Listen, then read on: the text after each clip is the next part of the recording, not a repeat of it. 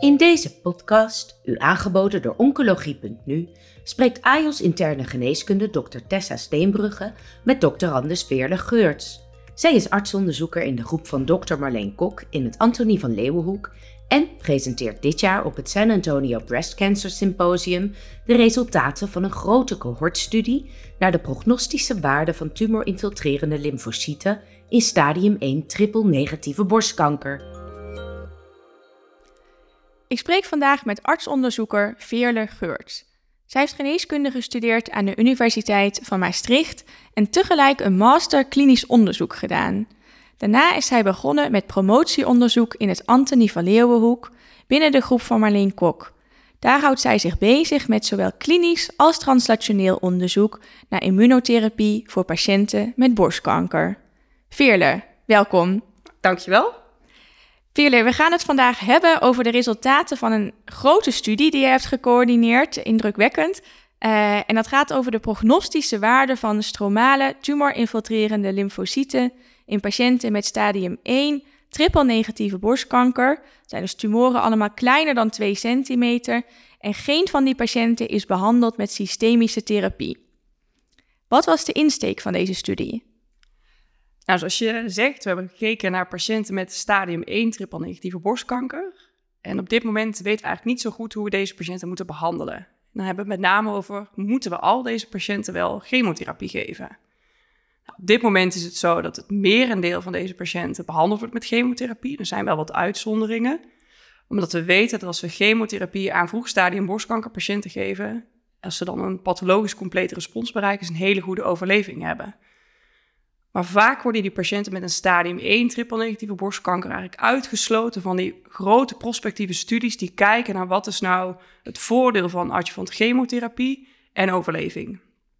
Gelukkig hebben we wel wat data, dat is vooral retrospectieve cohorten, uh, die gekeken hebben als we nou chemotherapie geven, heb je dan daadwerkelijk een betere overleving. En die specifiek inzoomen op die patiënten met stadium 1 triple-negatieve borstkanker. En in die retrospectieve studies zien we dat er wel een associatie is tussen betere overleving en behandeling met chemotherapie voor de patiënten met een T1C-tumor. Dat zijn tumoren tussen de 1 en 2 centimeter. Maar die associatie is eigenlijk veel minder duidelijk voor patiënten met een T1A of een T1B-tumor. Dus zijn de tumoren kleiner dan 1 centimeter. Dat kwam ook uit onze eigen IKNL-data, ja, hè? Ja. ja. dat is een van de belangrijke studies geweest, uh, die voorloper is van de studie die we op dit moment uh, gedaan hebben. Uh, die daarna inderdaad naar gekeken heeft.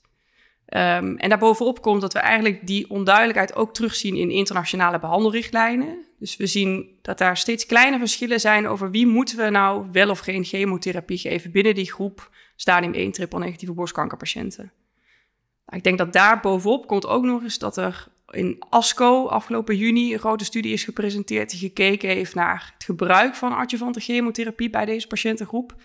En daarin zien we dat met name voor de T1B en T1C-tumoren het gebruik van chemo juist is toegenomen in de afgelopen jaren.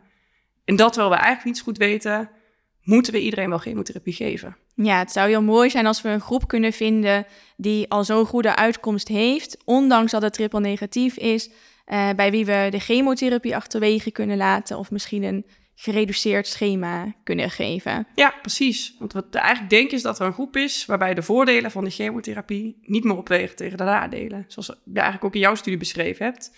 Ja, dat die toxiteiten, die bijwerkingen misschien wel dusdanig heftig zijn dat je het liever achterwege zou willen laten, omdat het voordeel op survival maar heel klein is. Ja, ja absoluut. En uh, de TILs, de stromale tumorinfiltrerende lymfocyten, uh, die zouden een belangrijke uh, marker kunnen zijn of patiënten een goede uitkomst hebben. Dat weten we ook uit andere studies, maar is nog niet specifiek in de stadium 1 groep onderzocht. Zeg ik dat zo goed? Mm. Ja, dat klopt. Dus ik denk een hele belangrijke studie daarna is geweest, uh, is gedaan door de groep van Vincent de Jong. Um, dat is een paper gepubliceerd in JSO in 2022, die specifiek ingezoomd heeft op de jonge vrouw, dus vrouw onder de 40 jaar met triple-negatieve borstkanker. En daar gekeken heeft van wat is nou die prognosewaarde van TILS. En in die studie laten zien dat als je heel veel TILS hebt, en dan gaat het om meer dan 75 procent, dat die patiënten eigenlijk een hele goede overleving hebben zonder chemotherapie. En de kans dat die borstkanker terugkomt is dan echt heel klein, tot 2%. Ja, en dat waren allemaal vrouwen onder de 40, hè? De patiënten uit het Paradigm cohort. Ja, exact. Ja, hele belangrijke studie. We zullen daar ook een link naar plaatsen bij uh, de show notes. En nu gaan we het hebben over eigenlijk diezelfde tumoren, maar dan in alle patiënten. Ja, dus het gaat om de stadium 1 patiënten. En de leeftijd is dan, uh, dan inderdaad niet belangrijk. Maar alle stadium 1 triple-negatieve borstkankerpatiënten, zoals je zegt, daarvan weten we eigenlijk niet zo goed wat dan die prognostische waarde van TILS is. Ze weten heel veel van TILS, maar niet specifiek in deze subgroep patiënten. Ja. nou, je hebt de, de patiëntengroep genoemd en dat waren patiënten behandeld tussen 2005 en 2015, tot en met 2015. Ja, klopt. Ja. Um, hoeveel waren dat er? Onbehandeld? Uh, onbehandeld zijn het er ongeveer 2200. Um, ehm, dat zijn patiënten die dus geregistreerd zijn bij het IKNL, dus die daarvan alle klinische gegevens verzameld hebben. En vervolgens wilden we daar ook de pathologiegegevens van hebben. En daarvoor hebben we hulp gekregen van PALGA, dus eigenlijk de Nederlandse pathologie-database. Um, en met behulp van die gegevens konden we een weefselblokje opvragen van de primaire tumor. En dat is uiteindelijk voor 1041 patiënten gelukt om een blokje op te vragen en uiteindelijk ook de til te kunnen scoren. Ja, echt ontzettend knap. Een hele prestatie, want die blokjes die kwamen uit het hele land. Ja. Uit hoeveel verschillende ziekenhuizen zijn die gekomen? Ja, sommige ziekenhuizen zijn gekoppeld aan, een, uh, aan hetzelfde pathologiecentrum. Dus oh, het zijn 33 verschillende pathologiecentra waar ze vandaan komen. Dus inderdaad, uh, ja, van Groningen tot Maastricht. Uh, we zijn overal geweest om die weefselblokjes te verzamelen. Dus een hele klus. Ja, nou, alleen daarom al heel veel complimenten voor deze studie. Um, en toen zijn nog van die patiënten, je zei dat dat zijn de patiënten bij wie het gelukt is om de TILS te scoren, zijn nieuwe koepers gemaakt? Ja, dat klopt. Dus je maakt een nieuwe HE-koepen. Uh, en die HE-koepen die hebben we vervolgens aan de patholoog gegeven om, uh, om de TILS te laten scoren. Uh, daarvoor wil ik heel graag Roberto Salgado benoemen, de patholoog die voor al deze patiënten opnieuw naar de histologie van de tumor gekeken heeft. En onafhankelijk van de uitkomst en de klinische gegevens de TIL-scores toegekend heeft. Ja, online allemaal, hè? Ja. En hij heeft dat alleen gedaan of is dat nog door een andere patholoog, uh, samen met een andere patholoog geweest? Nee, Roberto heeft dit, uh, heeft dit allemaal zelf gedaan. Omdat we weten dat uh, ja, er, inmiddels richtlijnen zijn ontwikkeld die heel goed beschrijven hoe je die TILS kan scoren. Die richtlijnen vind je onder op tilsinbreastcancer.org. Um, ehm, en we weten ook dat dat tussen pathologen eigenlijk heel goed gaat. Dat als je een tweede patholoog zou vragen, dat daar eigenlijk dezelfde scores naar boven gaan komen. Dus we durven het aan om dat door één patholoog te laten doen. Uh, maar belangrijk... Roberto is ook een van de grondleggers van die richtlijnen. Ja, Dus uh, je hebt echt een hele goede... Een hele, ervaren, een hele ervaren patholoog uh, ja. die deze beoordeling gedaan heeft. Ja. ja. Nou, mooi. En dan voor de analyses tot de uitkomst, de overlevingsuitkomsten, hebben we jullie gekeken naar de borstkankerspecifieke overleving. En dat heb je gedaan door ook nog te koppelen met CBS. Klopt dat? Ja, dat klopt. Dus van deze patiënten wisten we al welke patiënten er overleden waren of welke nog in leven zijn. Maar inderdaad, we wilden graag borstkankerspecifieke overleving bepalen. En daarvoor wil je dus weten of de patiënt is overleden aan de borstkanker of ten gevolge van iets anders. En dat zijn gegevens die we inderdaad van het CBS gekregen hebben. Ja, precies. En geen recidiefdata, hè? Nee. Nee. Oké, goed. Uh, nou, je zei het al, 1041 hoorde ik je dat zeggen. Uh, patiënten, daarvan is het gelukt om een blokje te krijgen en uh, de TILS te scoren. En van deze patiënten, wat was ongeveer de verdeling tussen stadium 1, A, B, C? Um, ongeveer 50% van deze patiënten had een T1C-tumor en ongeveer 50% een TNA of B. Die groep hebben we uiteindelijk gecombineerd omdat met name de TA, dat waren 90 patiënten uit mijn hoofd. Uh, we ongeveer 400 patiënten met een T1B. En de overige gedeelte, dus ongeveer 500, ruim 500 patiënten, had een T1C-tumor. Ja, en de T1C, de tumoren tussen de 1 en 2 centimeter en de andere zijn uh, kleiner. Ja. ja. Goed. Kan jij de belangrijkste resultaten van deze studie samenvatten voor ons? Zeker. Dus wat we gedaan hebben is dus allereerst gekeken naar wat zien we uh, aan TILS-score in de totale cohort. Dus we zien dat het grootste gedeelte van de patiënten, ongeveer 75%, had TILS onder de 30%. Um, we zien ook zeker een, een, groep die hele hoge TILS heeft, dus meer dan 75%, dus ongeveer 15% van het totale cohort.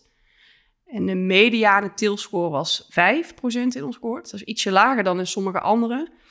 Uh, dat kan mogelijk worden verklaard dat uh, de gemiddelde leeftijd in ons cohort van de patiënt ietsje hoger ligt dan in andere cohorten. En we weten dat hoe ouder de patiënt is, dat we denken dat daardoor uh, de TIL-score iets lager kan gaan liggen.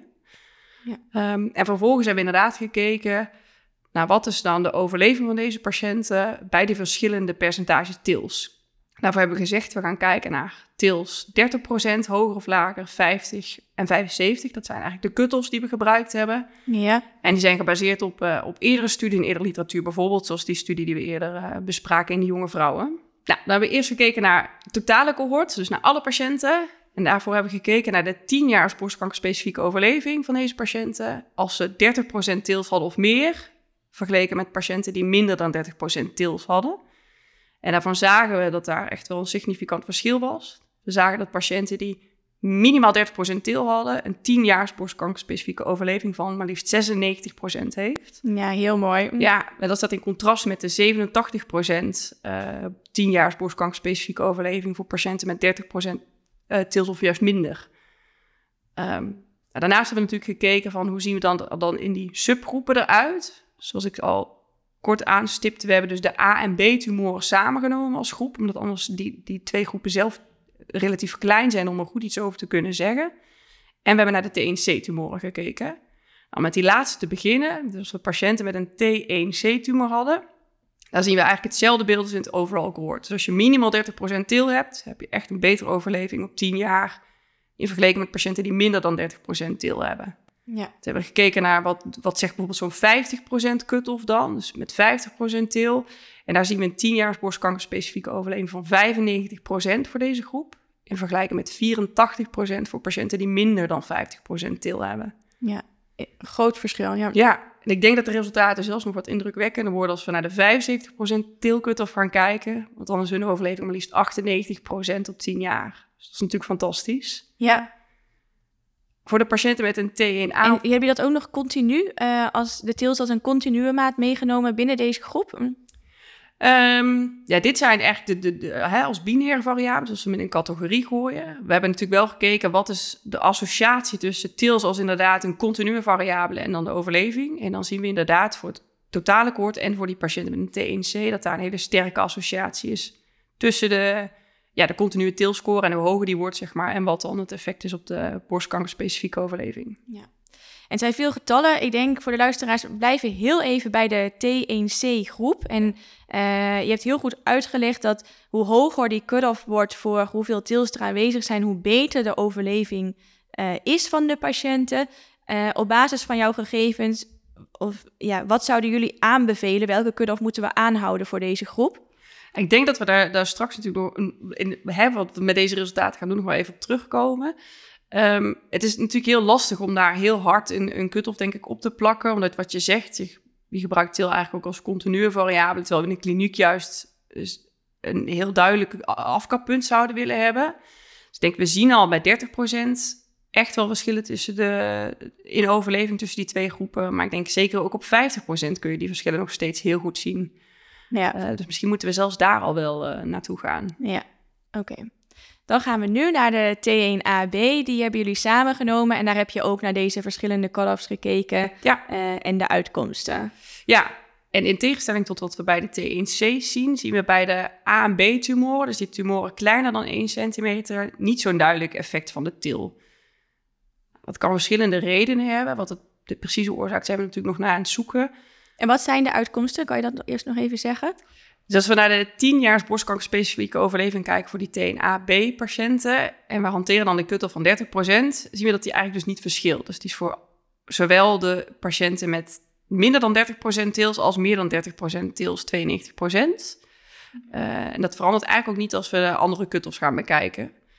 Dus wat we daar zien is dat in die hele kleine tumoren het effect van teels, of die prognosewaarde van teels, gewoon minder duidelijk naar voren komt als voor die TNC-tumoren. Ja, maar dat dus wel patiënten met een iets grotere tumor en veel teels uiteindelijk een betere prognose hebben dan die hele kleine ja. tumoren. Ja. ja, precies. Dus we denken dat in die hele kleintjes uh, de tumorgrootte een, natuurlijk een belangrijke rol speelt in aanvulling op de til. En ondanks dat we al best wel een groot relatief groot cohort hebben voor die T1A en B-tumoren, hebben we daar misschien nog wel een grote cohort nodig. Uh, om daar iets te kunnen zeggen over de prognoswaarde van TIL. Omdat we zien dat. Je door... hebt ook minder events ja, in die het aantal, natuurlijk. Precies, ja. het aantal events in die groep ligt zo laag. Uh, dat we misschien wel nog groter cohort nodig hebben om daar uh, goede uitspraak over te kunnen doen. Ja. Ja, dus dat is uh, aandacht denk ik voor vervolgonderzoek. Ja, absoluut. Ja, ik denk dat we het daarover moeten hebben. Het zijn uh, hele mooie resultaten en het lijkt of de teels kunnen helpen uh, om een patiëntengroep te identificeren die een hele goede uitkomst hebben. Wat moeten we morgen met deze resultaten doen? Ja, ik denk dat uh, onze studie in ieder geval aanleiding geeft om bij hopelijk zoveel mogelijk borstkankerpatiënten de TILs te gaan bepalen. Dat we daarmee moeten starten. Uh, nou, wat je al zei, Robertus van Gado Standaard heeft, te rapporteren bedoel je? Ja, in, ja, uh, ja. standaard te rapporteren. En wat je al zei, er zijn uh, richtlijnen al voor opgesteld... die pathologen kunnen helpen van hoe scoren deze TILs nu. En dat wordt denk ik steeds makkelijker gemaakt. Er is recent ook FDA-goedkeuring gekomen voor een cursus om TILs te leren scoren... En we zien natuurlijk heel veel ontwikkeling op het gebied van kunstmatige intelligentie... om die TILs steeds gemakkelijker, maar dan door een computer te laten scoren... Dus hopelijk kunnen we op die manier TILS een stapje dichter naar de kliniek aanbrengen. Maar ik denk nog veel belangrijker is dat we de resultaten gaan valideren in een grote prospectieve klinische studie. En daarvoor uh, zijn al de eerste stappen gezet om die op te zetten. Dus dat gaat de Optimal Study worden. En daar zijn uh, nou, Roberto Salgado als patholoog, maar ook Marleen Kok, internist-oncoloog, heel belangrijk bij om deze studie ja, tot stand te laten komen. Ja. En wat wordt de hoofdvraag van de studie? En daarvoor willen we eigenlijk de resultaten van, van deze studie gaan bevestigen. Dus we willen eigenlijk kijken, is er een groep patiënten met die stadium 1 triple-negatieve borstkanker... die zo'n goede uitkomst hebben dat we die chemotherapie uh, achterwege kunnen gaan laten. Ja, dus we willen eigenlijk die behandeling optimaliseren. En dus hopelijk... randomiseren voor wel of niet? Uh... Ik denk dat, er, dat het uh, keuze van de patiënt zal gaan worden. Dus dat okay. we gaan kijken naar patiënten met veel teels... en dat die voor de keuze in overleg met de oncoloog zullen gaan beslissen... gaan we wel of geen chemotherapie geven. En dan uiteindelijk natuurlijk naar hun uitkomst gaan kijken. Uh, maar dat is een studie die, uh, waar momenteel heel hard aan gewerkt wordt om die op te zetten. Dus de precieze details die gaan zeker volgen. Ja, en je noemt al wel heel bewust veel tails, want uh, cut-off, daar hebben jullie ook het laatste woord nog niet uh, Nee, dus dat, dat, is denk ik een hele lastige om, uh, hè, om ja. met z'n allen te beslissen van wat moet dan die cut-off worden. Ja. en, is een studie en wat die is goed genoeg? Ja, ja, en dat is een studie die zeker niet alleen in, in Nederland zal gaan lopen, maar internationaal hopelijk uitgerold gaat worden in heel veel centra. Dus daar, er zijn natuurlijk heel veel mensen die daar iets van vinden. En dat je samen moet gaan besluiten wat, uh, wat de juiste cut-off is. Ja, heel mooi om dat uh, internationaal aan te pakken.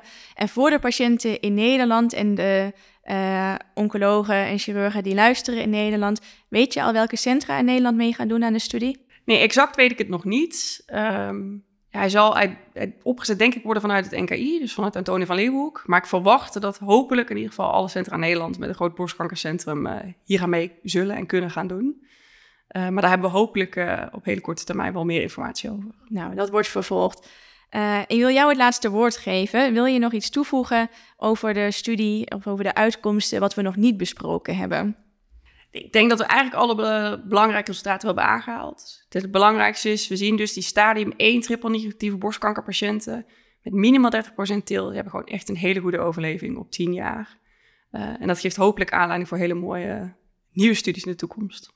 Dankjewel Veerle voor de hele duidelijke uitleg uh, wat betreft de studie en hoe die uitgevoerd is. De link naar het abstract wat gepresenteerd is op San Antonio zullen we plaatsen in de show notes. Dankjewel. Bent u geïnteresseerd in meer podcasts? Deze zijn te vinden op de website oncologie.nu